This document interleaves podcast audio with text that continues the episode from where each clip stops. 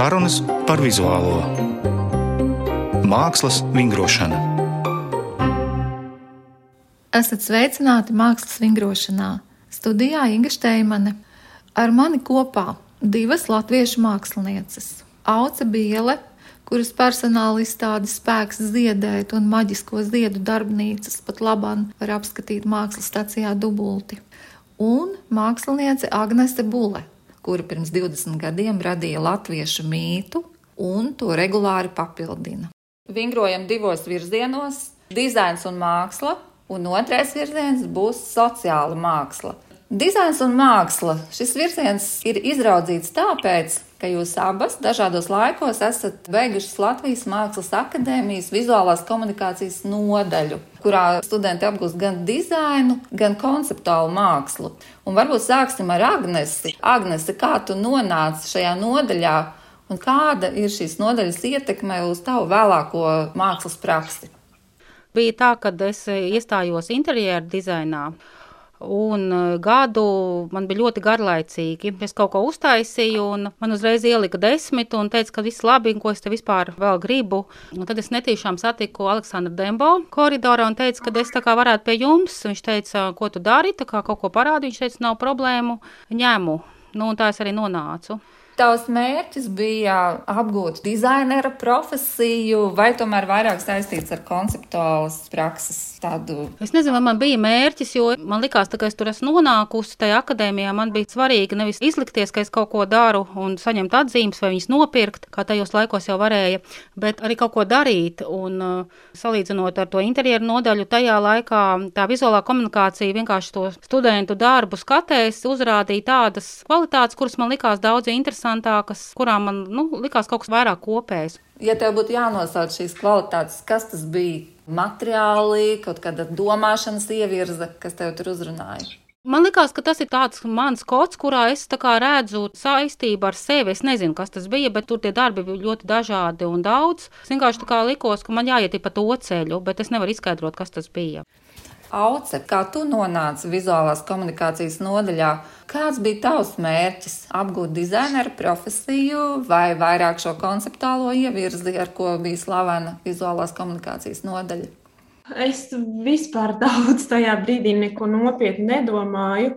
Pastījos, o, oh, šī tā laikam modernākā nodaļa, visvairāk konkurentu. Ah, oh, vai. Nē, es tajā laikā mērķiecīgi uz neko negāju. Bija liels pārsteigums, kas tur jāmācās un kas jādara. Jā, jo nodaļa ļoti nopietna, man likās. Bet, ja mēs pakavējamies pie tās problemātikas, māksla un dizains, vai auce tajā laikā tu sevi nodarbināji ar šādiem jautājumiem? Kas būs tas, ko tu radīsi? Man bija pārsteigums, ko mums mācīja, to konceptuālo mākslu. Viss bija ļoti nopietni.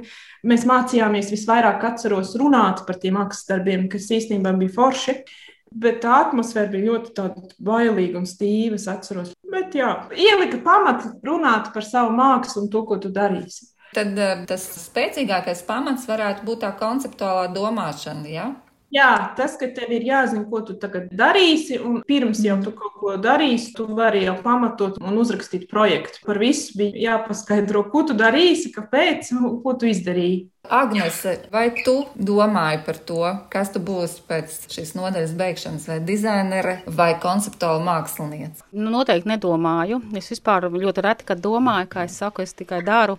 Varbūt ar auci salīdzinot, es varētu teikt, ka mums nebija tāda bailīga atmosfēra tajā nodaļā, jo mēs nesākām kā vizuālā komunikācija. Mums bija vēl tajā brīdī grafiskais dizains. Man liekas, ka pagāja kaut kādi divi kursi, kad to nodaļu pārdēvēja pa vizuālo komunikāciju. Un visi pasniedzēji bija tā kā Mums nebija tāda distance, man liekas, stīvi tur vispār nekas nenotika. Tur bija tā kā ej uz mājām reāli. Vēlreiz atkārtošu, kāpēc es jūs abas aicināju šodien kopā. Pirmkārt, tīri intuitīvi, kā kuratoram, un es esmu strādājis ar jums abām projektos, man ir sajūta, ka jūsu mākslās praksē ir eh, kopīgi materiāli. Nu, piemēram, tie ir mīti. Piemēram, tā ir intuīcija. Tā ir plūstošā robeža starp mākslu un dizainu. Un jūs strādājat ar cilvēku ļoti individuāli, ar viņa zemapziņu. Un tas man uh, likās pietiekoši iemesls, lai aicinātu un ļautu jums savā starpā arī sarunāties. Vēl jau vairāk es saprotu, ka jūs neesat bijuši līdz šim pazīstams. Tikai vakar kārtīgi apstījos par latviešu sapni, iepazinos. Es pirms tam biju apskatījusies arī jau pirms tam, jo es dzirdēju par to izstādi, tad es paskatījos. Es domāju, tā, un šitādi man tā kā varētu draugoši, šitādi man patiktu. un nāc, kā tev likās, vai Agneses mākslā ir kaut kas tāds? Vienojoši pilnīgi uzreiz, man liekas, bija skaidrs, ka ir mīti. Tas vēstījums ir svarīgi viņu vispār pasniegt un izstāstīt eh, vairāk cilvēkiem nekā tikai pašam sev. Es saprotu, ka viņai arī ir svarīga tā valoda un forma, lai tas aizplūst arī pie vairāk cilvēkiem. Dizains arī ir svarīgs, stāsts un mīti, jā, kaut kas eh, līdzīgs. Jā. Bet vai tu atzini kaut ko, ko tu varētu teikt Lūk, šī ir vizuālās komunikācijas nodaļa. Es domāju, ka mums visiem ir iedzīts, ka mums tas stāsts ir jāstāsta. Jā. No tā mēs vaļā netiekam.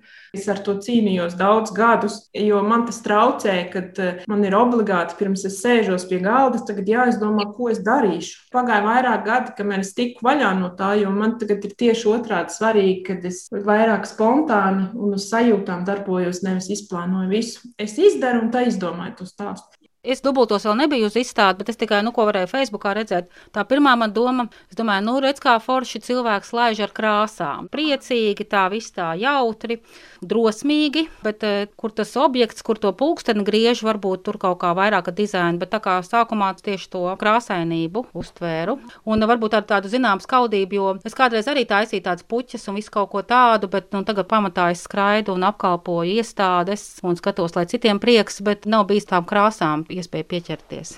Jā, es tā kā pamanīju, cik grafiski un ka tev patīk simetrija, man liekas. Nezinu, vai man patīk, man varbūt sanāk ātrumā. Bet, ja nemaldos, Auci arī kaut ko tādu teica. Man patīk, arī svarīgi ir simetrija. Es zinu, ka ir cilvēkam svarīgi ir tieši asimetrija. Ja jāstāsta par šo laikmetu, tad viņš ir asimetrisks. Ja viņš ir jāuzzīmē šīs gads, viņš ir asimetrisks, bet eh, tā senatne, viņa, man liekas, ir simetriska. Un tie, kas pieskarās mītiem, viņi daudz strādā ar simetriju.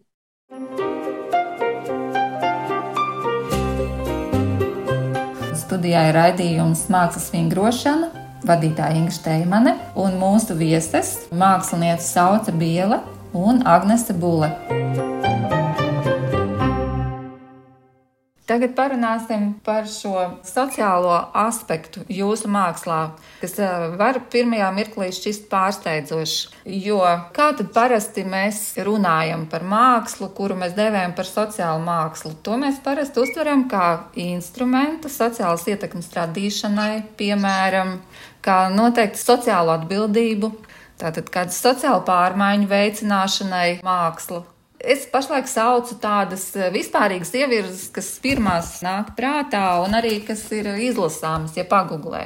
Tā tad māksla enerģijas patēriņa samazināšanai, piemēram, māksla vidas apziņas sekmēšanai, māksla izglītošanai, būtībā neko ļoti precīzu no šiem tematiem nevar attiecināt uz jūsu abu darbiem. Taču, ja mēs mazliet nomierinam savu plašo kolektīvo skatījumu uz sociālo ievirzi, un ja mēs šo sociālo ievirzi traktējam subjektīvāk, tā intuitīvāk, ka būtībā jebkas, ko cilvēks izvēlās darīt, vai kā viņš vispār jūtās apkārtējā vidē, ka tas ir pietiekoši sociāli. Šādā aspektā es aicinātu jūs abas padalīties par sociālo aspektu jūsu mākslā. Ja mēs runājam par tēliem, tavs tēls, latviešu sapnis. Un jau 20 gadus tu atrodi un atrodi materiālu, tas ir gan Latvijas mītos, gan dažādās sociālās norisēs, vai vienkārši pat gadskārtās un svinamos svētkos tu atrodi materiālu, lai rakstītu, komentētu kaut ko par cilvēku, par viņa jušanos šajā laikmetā, šajā vietā. Man tā drīzāk ir tāda paralēlā dzīve. Ir bērns, bet ir arī šāds bērns, kā latviešu sapnis. Viņam arī kaut kas dzīvē notiek, un man nemaz citreiz nav bijis tik viegli, pieņemsim, pavērša gadu.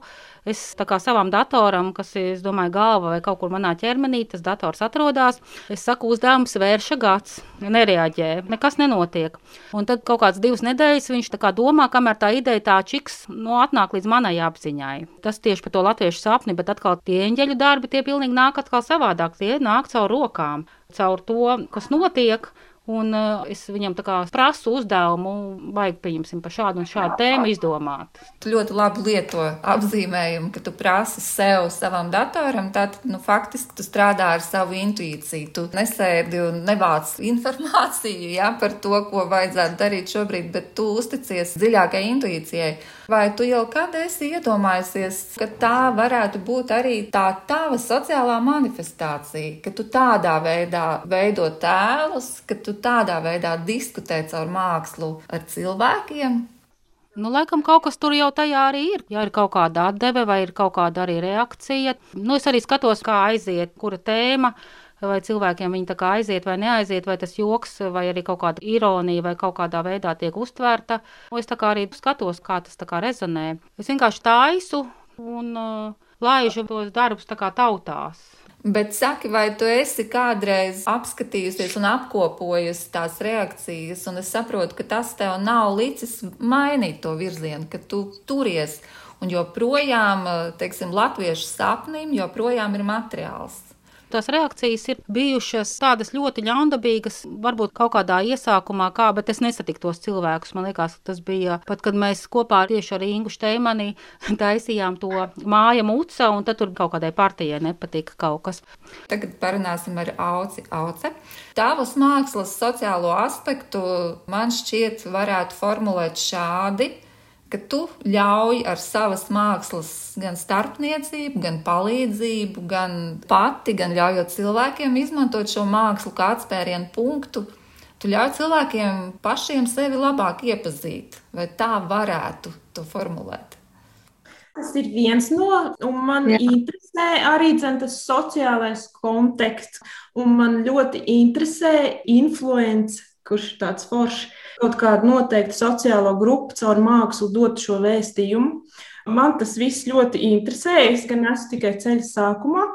Tad, kad tu sāki darboties, izmantojot arī intuīciju kā materiālu, un es saprotu, ka tas tomēr ir jau no pašiem sākumiem, vai ne? Jā, tas ir arī dzen, kā pretestība pret kā es šo pasauli redzu, kā ļoti racionālu, maskulīnu veidolu. Mana pretreakcija, kad eh, ir taču pasaulē arī cilvēki, kur ir emocionāli jūtīgi, intuitīvi, es cenšos caur savu mākslu konektēt cilvēkus, kuriem tas ir svarīgi. Ne visi ir kļuvuši tikai racionāli un tikai tehnoloģiski un, un tādi. Un caur to es centīšos apvienot vēl un, un, un savienot un varbūt kādu vēl atvērt savai intuīcijai. Jā. Tas ir ļoti interesanti. Tu pieskāries tādam aspektam, ka mūsu sabiedrība, laikmatīga sabiedrība, protams, šobrīd tiek tā niansēti dalīta sociālās grupās un sociālā riska grupās, bet parasti tas ir eh, vai nu sociālo lomu, kas ir balstīta uz dzimumu stereotipu aspektā. Tad, protams, minoritātes tiek veidotas balstoties uz etniskiem parametriem, vai uz geogrāfiskiem, vai pat uz saimnieciskiem, iedziens kā trešās pasaules valsts. Apdraudējums, tiešām, kā tu minēji, viņš tiek eh, raksturots būtībā ļoti racionāli. Bet uh, es piekrītu, ka jūtīgiem cilvēkiem arī pastāv liels apdraudējums nokomunicēt adekvāti jā, ar šo pasauli. Un tur nav ne etnisko, ne dzimuma robežu, ne saimnieciskās veiksmes robežu. Tas izriet no, no dziļākiem psiholoģiskiem aspektiem. Un e, būtībā tava māksla ir adresēta šai nerakstītajai kopienai. Jā, tas ir pareizi, ka jūs varat just kaut ko, un kad jums nav obligāti jāsako tam, kā ir jābūt, bet jūs drīkstat just un nebūt tik racionāli, un kad e, atgriezties savā saknē, kur mēs vispār visi izdarījām izvēles caur jušanu, nevis caur, ok, tā ir jābūt, no caur to racionālo pusi ka tu veido savu mākslu un apzinājies šos sociālos aspektus, vai tu salīdzini sevi ar māksliniekiem, kuri tā formālāk ir saistīti ar sociālajiem aspektiem, nu, piemēram, vai Vēja vai eh, latviešu mākslinieca Rasa Jansone, kas glezno mātes zīdīšanas periodā. Es esmu tajā pašā sākuma stadijā, kad es tikai sāku to apzināties, kad es vēlos, jā, caur to mākslu nest to ideju un uh, piedarību kaut kādai sociālajai grupai, kas man ļoti vienkārši tieši pārbraucienā starp divām pasaulēm, tieši ceļā šajā mēnesī sapratu, cik milzīga starpība ir starp Eiropu un Arābu zemēm. Un es ieraudzīju to, ka šeit ir svarīgi tagad ir tikai padarīt visus cilvēkus par vienu dzimumu, kad būs tikai ono, kad vairs nebūs sieviete un vīrietis. Un es nāku no pasaules, kur tas ir ļoti svarīgi. Un tad pašlaik es saprotu, ka sociāli, ja es gribētu ko mana māksla dara, tad lai joprojām atbalsta, ka ir šī sievišķā pasaule ka viņa eksistē un ka nav tikai viena vidējā ono, kas ir uniseks šeit tiek veidots. Es saprotu, ka tev ir tāds emocionāls vispārinājums, un es arī domāju, ka varbūt tās uh, blakus skaņas, tās uh, popstīgās skaņas attiecībā par šo problēmu ir droši vien nepatīkamākas nekā pati tā dziļākā būtība, jo man liekas, tā būtība ir saistīta ar šo jūtīgumu, un uh, tas ir tieši tas, ko tu apskati, ar šo jūtīgumu un ar šo spēju komunicēt ar pasauli ar to kārtību, kāda ir izveidota. Es tagad jautāšu Agnesei, tad, kad tu uzbūri to savu latviešu sapni un izveidoji šo tēlu, un būtībā tas ir kā tāds zīmols. Vai runa ir par latviešiem, vai runa ir tomēr par cilvēkiem plašāk, un vispār kas ir latvietis šajā tavā konceptā? Man joprojām tas ir neatbildams jautājums, tāpēc es arī to meklēju. Jo it kā es viņu saucu par latviešu sapni, bet eh, man liekas, ka um, tur pamainot kaut kādas varbūt frazeoloģismus, kas kurai citai tautai ir raksturīgi, tas varētu būt arī citas tautas sapnis. Nu, to varētu taisīt arī par produktu. Drīzāk es runāju par cilvēku, ko viņš var darīt, nedarīt un kā viņš izpaužās vai izpaudās tajā mītiskajā pasaulē un kā viņš izpaužās tagad. Un tas latviešu baltais nospiedums vai viņa dvēselīte, kas tur ko kokā joprojām sēž, dzīvo savu dzīvi, es viņam kā kalpoju, sanāk, jo viņš man piespēlē situācijas, es viņu apkalpoju. Es esmu latviešu sapņu pārnēsātāja, tā varbūt tāda diagnoze. Nu, tavs latviešu sapnis radās pirms vairāk nekā 20 gadiem un salīdzinoši tuvāk tomēr eh, tam 90. gadu stāstam un pat 80. un 90. mijas stāstam par atmodu, vai ir kāda saistība sociālajā aspektā šādas ievirzes mākslā, vai tomēr tas ir jau nākošais solis, kas izmanto šo lirisko tēlu, lai stāstītu stāstus par cilvēkiem. Var teikt, gan, gan, jo tieši tajā brīdī, tā, kad radās, tas bija vairāk arī tā kā vēsturisks apskats. Pirmā filma, ko es uztaisīju, kur bija iekšā arī barikādas un pirmā plūsma aizbraukšana no Latvijas, bet tas ir tāds tā kā pamats, bet tālāk jau viņš dzīvo tāpat kā mēs, kā tauta vai cilvēki apkārt, kā mēs domājam, attīstamies. Tas ir lokus, caur kuru es skatos uz to, kas notiek apkārt, bet nu, tas nav vienīgais lokus, pa kuru es skatos. Es pie tā vienkārši esmu darbā pie latviešu sapņā.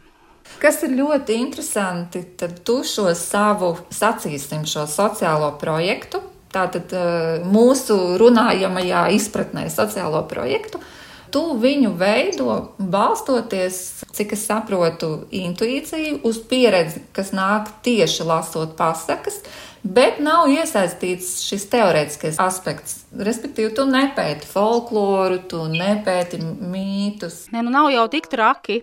Tad, kad man bija jāraksta maģistra darbs, tur vajadzēja teorētisko pamatojumu. Un tad es ņēmu grāmatas, tādu kaudzi un šķīru vaļā pa laikam, un es atšķīru tur, kur vajadzēja. Pieņemsim, tur stendera augstās gudrības grāmata, tur es atšķīru, kad latviets ar iegaranu seju un sašaurinājumu uz leju. Un man pilnīgi derēja. Tad nākošajam, tur kaut kādam Šuvājevam arī tieši atšķirt, tur, kur vajag, kaut kādam Edvardam Munkam es arī atšķiru tur, kur vajag. Un tad es uztaisīju to pseido zinātni, kad es ar eh, reāliem citātiem pierādu uzbūvētu teoriju, kas ir vienkārši izdomāta, bet te varbūt bija tā, tā kā parodija, ka es parādīju, ka mēs tā varam radīt arī reālu zinātni. Es to teicu, ka tas ir sapnis un taisot ar tiem citātiem, bet mēs jau nezinām, kas mums apkārt tādā pašā veidā tiek būvēts, nu vienkārši nepasakot, ka tas ir sapnis, ka tas ir būvēts, ka tas tikpat labi var nebūt. Un tādu es uztaisīju savu pirmo maģistra darbu akadēmijā, aprakstot to situāciju, kā to latviešu sapni var būvēt. Bet um, tas man izbeidzās, neizgāja cauri attiecīgi, jo tajā gadā maģistratūras komisija varēja atturēties un lielākā daļa atturējās. Bet nākošais gads jau Jānis Andris Osis ieviesa, ka visi autori akadēmijā no radošajām nodaļām raksta tieši par savu radošo darbu, nevis pēta citus autors. Tā kā es biju ļoti liela cietēja, bet es parādīju, kā es saku, akadēmijai, kā radošajā nodaļas studentiem vajag analizēt un rādīt to savu pieeju, katram stāstīt, kāpēc viņš to ir izdomājis vai izdarījis. Tas, ko tu nu pat pateici, patiesībā arī ir būtisks sociāls aspekts. Tas ir, eh, tu parādīji šo akmeņaino ceļu, kā transformējās izglītības sistēma. Bija mums tāda arī saķeršanās, jo man teica, kāpēc es tā atļaujos. Un es teicu, ja es redzu, ka šis vilciens tūlīt noies no sliedēm, vai man viņā ir jālec iekšā, es labāk gaidu to savu vilcienu. Tradīcija bija, ka māksliniekam ir jāveic teorētisks darbs. Par kādu stilu, pieņemsim, jūgens stila iezīmes Latvijas arhitektūrā vai auces bielas glezniecība. Bet, pieņemsim, viņš tā kā pa sevi vispār neko. Kāpēc viņš vispār to strādā? Kas viņā notiek? Kāpēc viņš šitādus te lietas vispār pasaulē piedāvā? Tas tā kā vispār nebija aktuāli pirms tam. Tu jau droši vien pamanīji, ka nu pat tika pieņemts arī, ka doktora darbu mākslinieks var veidot līdzīgā veidā, balstoties uz savu praksi, nevis rakstot kādu teorētisku vai pseidoteorētisku traktātu. Auce, Agnes pieminēja ļoti interesantu lietu par šo sociālo attiecinājumu un par to, ka tas rodās procesā. Es saprotu, ka tev ir līdzīgi. Un sākotnēji tas bija vairāk feministisks iebirs, varētu tā teikt, vai arī tomēr nē? Feminisms noteikti nē, jo feminisms balstās uz to, ka mēs esam vienādi šie dzimumi. Mēs redzam tieši to, ka mēs neesam vienādi. Tas laikam arī ir personīgi, kad vienkārši tev jau grūti kaut ko ārpus sevis izdarīt. Un uh, tīri tehniski sievietēm nemaz tik viegli nav uzgleznot vīrieti. Viņas mazliet tas vīrietis iztīsies pēc sevis, man tā liekas. Nu, jā, es varu stāstīt tikai par to, kas ir tajā manā pasaulē. Man interesē viss tā sieviešu pasaule, tā sava pasaule. Tāpēc arī no pašiem sākumiem šis centrālais tēls ir sieviete. Jā, jo es varu runāt tikai caur savu prizmu un tikai caur savu piedzīvoto. Man interesē arī tas mītiskais konteksts. Es lasu pasakas, man patīk. Man ir ārkārtīgi daudz grāmatu mammai, un man ir iespēja arī apskatīt visas bildītas un tautu pasakas, un viss tas man interesē. Jā. Bet, anyway, es saistu vairāk no sava piedzīvotā. Pasakas un mīti ir materiāls, kuru tu izmanto, iepazīsti, saproti, kā viņi darbojās. Izmanto netieši, bet es saprotu, pēc tam pārstrādā savā veidā. Ja es izmantoju to dzīvnieku, tad es izpētu tiešām, vai viņš ir atšķirīgs tas vēstījums mhm. dažādām tautām vai viņi uztvers. Es izpētu jā, to vēstījumu, bet ļoti bieži ir tā, ka tu pa priekšu uzglezno, un tad tu pēc tam izpēti, jā, lai citreiz vēl kaut kas jāpieklāso.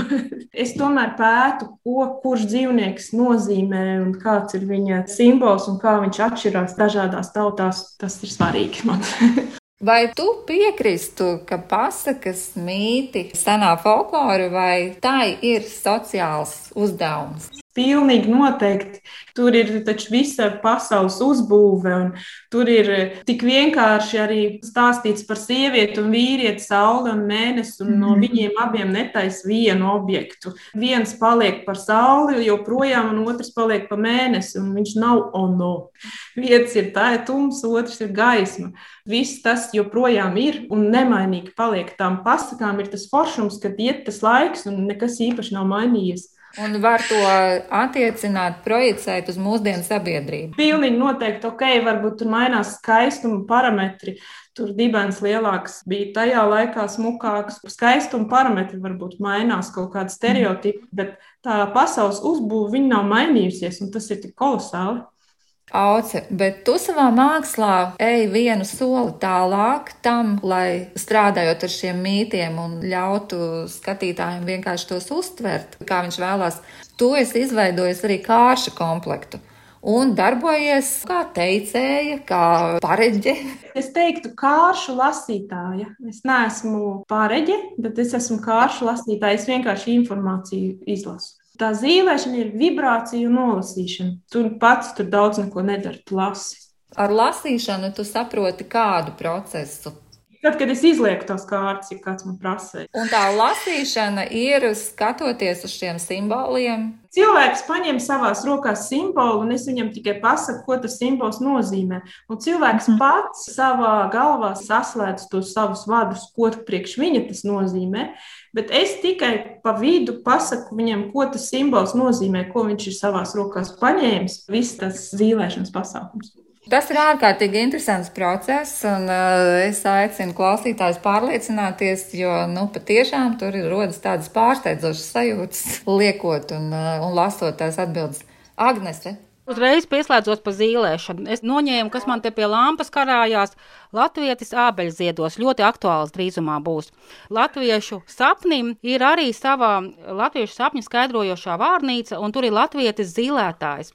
Un viņš ir tāds, kas turās pie ozolzīles, un tāpēc viņš zīlē. Viņam tas spēks, man citreiz saka, mēs esam kristieši, mēs nezīlējam, mēs nedrīkstam, bet mans latvietis ir tāds, kas caur zīli zīlē. Viņš nav tā zīlniece, kas ir tie melnie maģiskie spēki, kuriem tā kā nedrīkst zīlēt.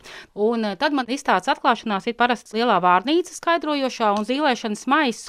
Iebāz roku maisā, samaisi maisa saturu un izvelc vienu kartīti.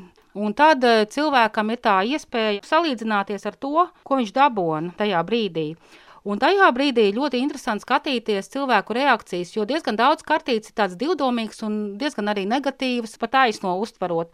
Pieņemsim, ja cilvēks izvelk man Latvijas dēlī, paliek ar garu seju, pilnīgi apvainojies. Tad es saku, reku rīktīgs latvietis. Situācijā, kura ir īstenībā normāla, ka tu vari būt ar vēja dēli braukāt, vai tev mājās, pieņemsim, nevis lamināta grīda, bet īsta dēļu grīda, ko tu varētu saskatīt šajā klucītī, viņš uzreiz neskāpēc iedomājas, ka viņš pats ir dēlī vai kad cilvēks izvēl puskoka lēcēju un arī paliek ar garu seju, tad es uzreiz skaidroju, ka kurš augstslēcējs pasaules mērogā negribētu aizlikt līdz puskokam. Tas ir piecas reizes pasaules rekords. Tur vienkārši katrā situācijā, kas mums nāk dzīvē priekšā, jāsaskata pozitīvās iespējas un pozitīvās tendences, bet tieši latviešiem, un tajā skaitā man, ļoti raksturīgi, kad viņi mēģina atrast tieši to negatīvo, ja? un es varbūt tā kā ar tādu terapijas komplektu arī ārstēju sevi, kad skaties ievies arī sviestā, ir ļoti labi, jo tas nav augu tauku maisījums. Nu, vienkārši tās frāzes kaut kā nomainīt vienmēr uz tām iespējām. Faktiski arī tāda terapija vai tāds sociāls moderēšanas kurs, kas virza skatītāja domas. Jā, bet ir arī kaut kas tajā tāds diezgan, es saku, raganisks, labā nozīmē. Jo ir bijuši gadījumi, kad cilvēki izvelk savu uzvārdu burtus pilnīgi. Vai, piemēram, ka man Briselē bija izstāde, kur viens cilvēks nebija. Viņš nākošā dienā atnāca, un viņš bija tāds ļoti garš, 2,20 apmēram. Un viņš no tiem 300 izvilka garkāju tētiņš. Citreiz bija tā, ka ļoti sakrīt, ka tas patiešām darbojās, tas zīlētājs. Un tomēr visā šajā procesā ļoti lielu vietu aizņem šis intuitīvais, psiholoģiskais, kā Auts teica, šis te vibrāciju lauks, vibrāciju komentēšana, vibrāciju verbalizācija vai vizualizācija. Vai nepazūd māksla? Kā jūs to panākat? Ka nepazūd šis darbs, nenovirzās tādā tīrā mākslas terapijā, kad viņš noturās arī tomēr mākslas aspektā. Varbūt tā atšķirība ir tāda, ka eh, viņš sanāk kā terapija, bet viņš nav pašmērķis, speciāli veidots kā terapijas darbs. Tā ir tāda liela atšķirība, jo jebkura māksla ir īstenībā terapija, ja mēs ar viņu saskaramies. Jebkura māksla, viņa ir tā vibrācija, un viņa vienmēr atnāk līdz mums kaut kādā veidā. Bet, ja mēs taisām apzinātu terapiju, mēs jau viņu tā kā taisām nu, ar kaut kādām jau metodēm, mums ir varbūt jau izglītība, kā to var darīt, bet ja mākslinieks ir tā kā tīrs no dabas, viņš to terapiju terapeitisko efektu sasniedz vienkārši, viņam nekas nav iemācīts, viņš vienkārši to tāpat dara. Es laikam piekritīšu tam, ka visi tie mākslas darbi ir kaut kādā ziņā terapeitiski vai nu pašam māksliniekam, vai nu skatītājam. Viens mākslinieks sevi attīra caur to mākslu, otrs mākslinieks atdod no sevis kaut ko caur to mākslu, bet tā ir kaut kāda saruna ar sevi, caur sevi vai saruna ar caur reliģijām. Vai... Māksla ir tāda pašizpausme, un viena no formām ir vizuālā pašizpausme. Es vienkārši piedaru vizuālai pašizpausmei. Manuprāt, mēs mēs gluži negaidīti esam nonākuši pie tāda visai didaktiska secinājuma, ka māksla ne tikai izglīto, ne tikai var sniegt informāciju, bet tā patiešām var palīdzēt psiholoģiski veidot labāku sabiedrību. Tas būtu vēlamais, jā, tas būtu vēlamais.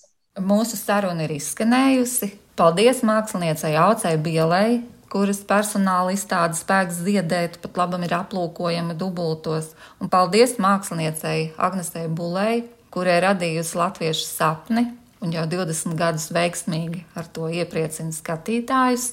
Sarunu vadīja Inga Steimane, radījuma producente bija Ieva Zeidmane. Raidījums tapis ar valsts kultūra kapitāla fonda atbalstu.